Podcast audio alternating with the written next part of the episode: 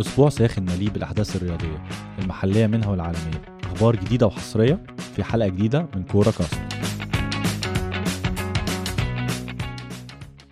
موسيماني ضد إيهاب جلال. مباراة قوية فنيا جمعت ما بين الأهلي وبيراميدز على مستوى الإدارة الفنية.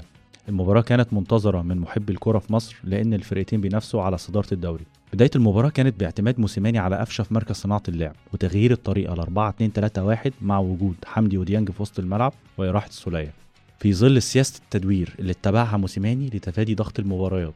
أما بيراميدز فاختار إيهاب جلال إنه يلعب ب 4 3 3 وتغيير مراكز اللعيبة. من أجل تنفيذ الضغط العالي على دفاع الأهلي بوجود رمضان على اليمين وعبد الله السعيد في مركز ال wing الشمال. واعتماده على ثلاثي سريع في خط الوسط بوجود دونجا وليد الكرتي وإبراهيم عادل. لتضييق المساحات والضغط المستمر على دفاع الأهلي وحرمانه من بناء الهجمة. والتدرج بالكورة من حارسه محمد الشناوي.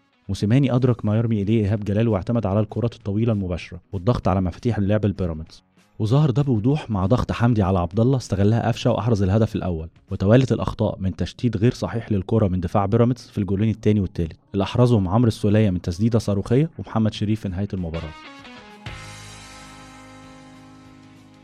الزمالك كان على موعد مع الجونة في استاد القاهرة. لاستمرار الصحوة وتقليل المسافات مع الأهلي وبيراميدز. المباراة شهدت ظهور المدير الفني الجديد للفارس الأبيض فريرا من أجل الاستعداد لقيادة الزمالك في ولايته الثانية بداية من مباراة الوداد.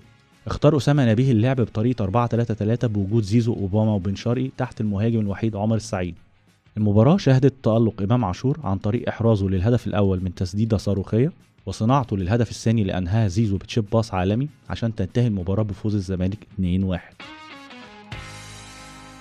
ترتيب قمة الدوري حتى الآن الأهلي في المركز الأول برصيد 28 نقطة، بيراميدز في المركز الثاني برصيد 26 نقطة، وخلفه الزمالك ثالثا برصيد 25 نقطة.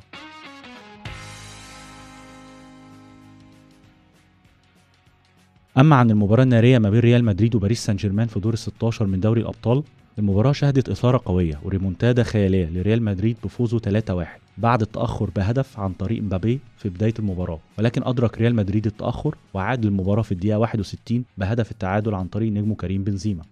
بنزيما اللي ظهر بشخصية السوبرمان بإحرازه هاتريك ساعد فريقه في تخطي عقبة باريس سان جيرمان. كريم بنزيما هو لاعب الجولة من وجهة نظري بلا منازع.